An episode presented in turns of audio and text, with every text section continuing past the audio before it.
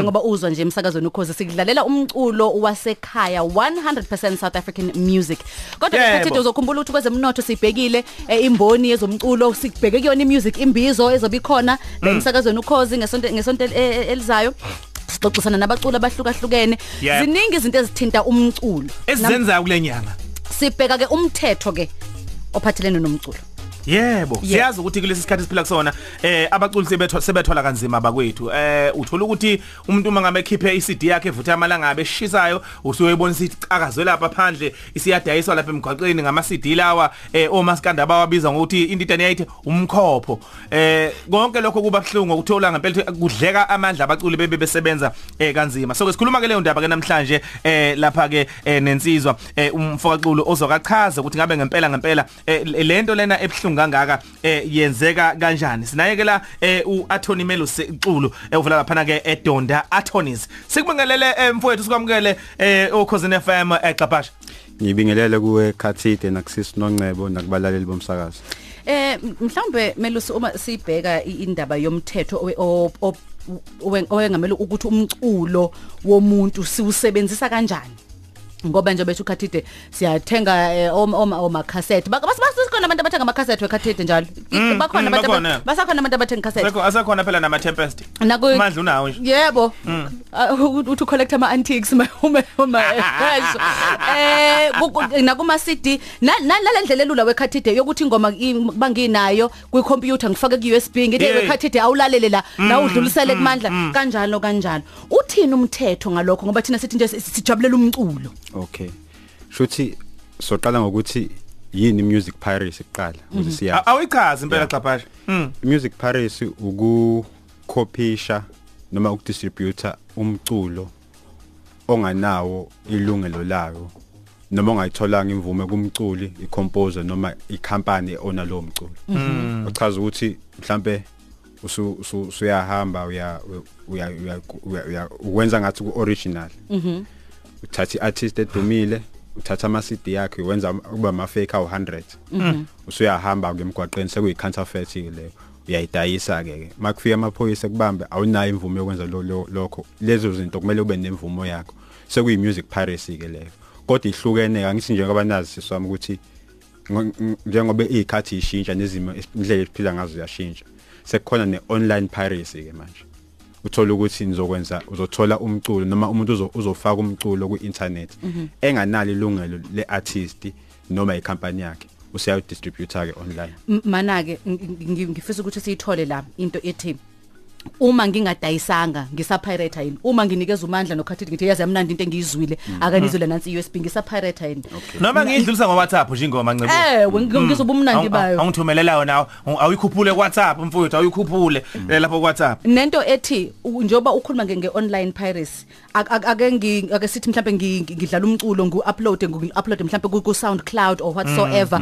Bese ukhathide a- aezwe athola ilink a download athi 1212 lo le ngoma ekade ihlanganiswe yimina athi 1212 bese yayikhipha ke yena. Ngoba ngifisa ukuthola ukuthi le piracy ihamba ngakoluphi uhlangothi. Kuyi piracy nalokho okay so sesikwi online angithi manje.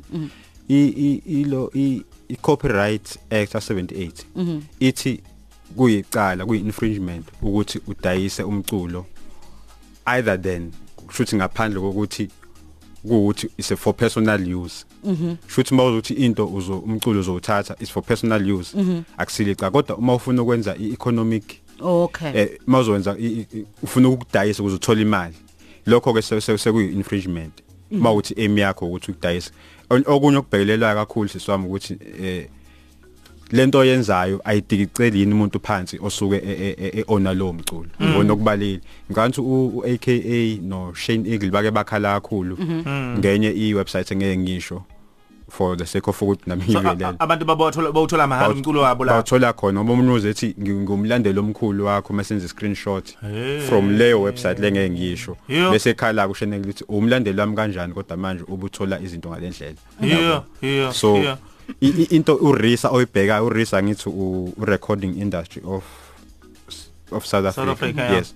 urisa ubheka ama internet service provider ukuthi uma besharisha lo mculo akuyikho into wrong abayenza khona nje enye baze bayivala ikasi MP3 ngoba ba- ibona babefaka lo mculo lo owawu- owavula indlela ukuthi abantu bedownload kuwona. Yabo. M- manje ke uma utholakala unecala lale piracy is- isiphi i- i- isigwebo noma isijeziso sitholayo okay. Ngi- ngi- ngi- ngizokhuluma ngesigwebo kodwa ngikhona ngifuna ukugcizela ngeyingqinamba engeke ngayibona enkantolo. Kodwa kwi punishment uthola u mawuqala i think u5000 u5000 ifine no 3 years mangaphosisi 3 years ngaphakathi? 3 years ngaphakathi. Futhi is either is 5000 noma 3000 yeah. Bese uma kuwukuthi okwesibili ngisacela nje ukubheka lo uma kuthi okwesibili utholwa kwi angithi kuyenza ukuthi i- i- i conviction yokuqala. Ehe. Bese mase kuvezwa ke SAP69 noma ama- amacala khanga maphambilini Ehhe. mase yabona hayi usuke wathola Uyijwayele ngalo le nto. sekukwesibili okwesibili. Ke kuba u10 u10000 noma u5 years. Yo. Yeah.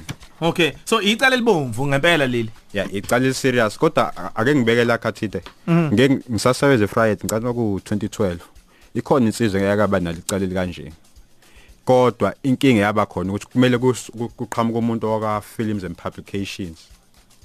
Ozosho ukuthi lento iyifake ngokuthi yena ngobuchwepheshe bakhe.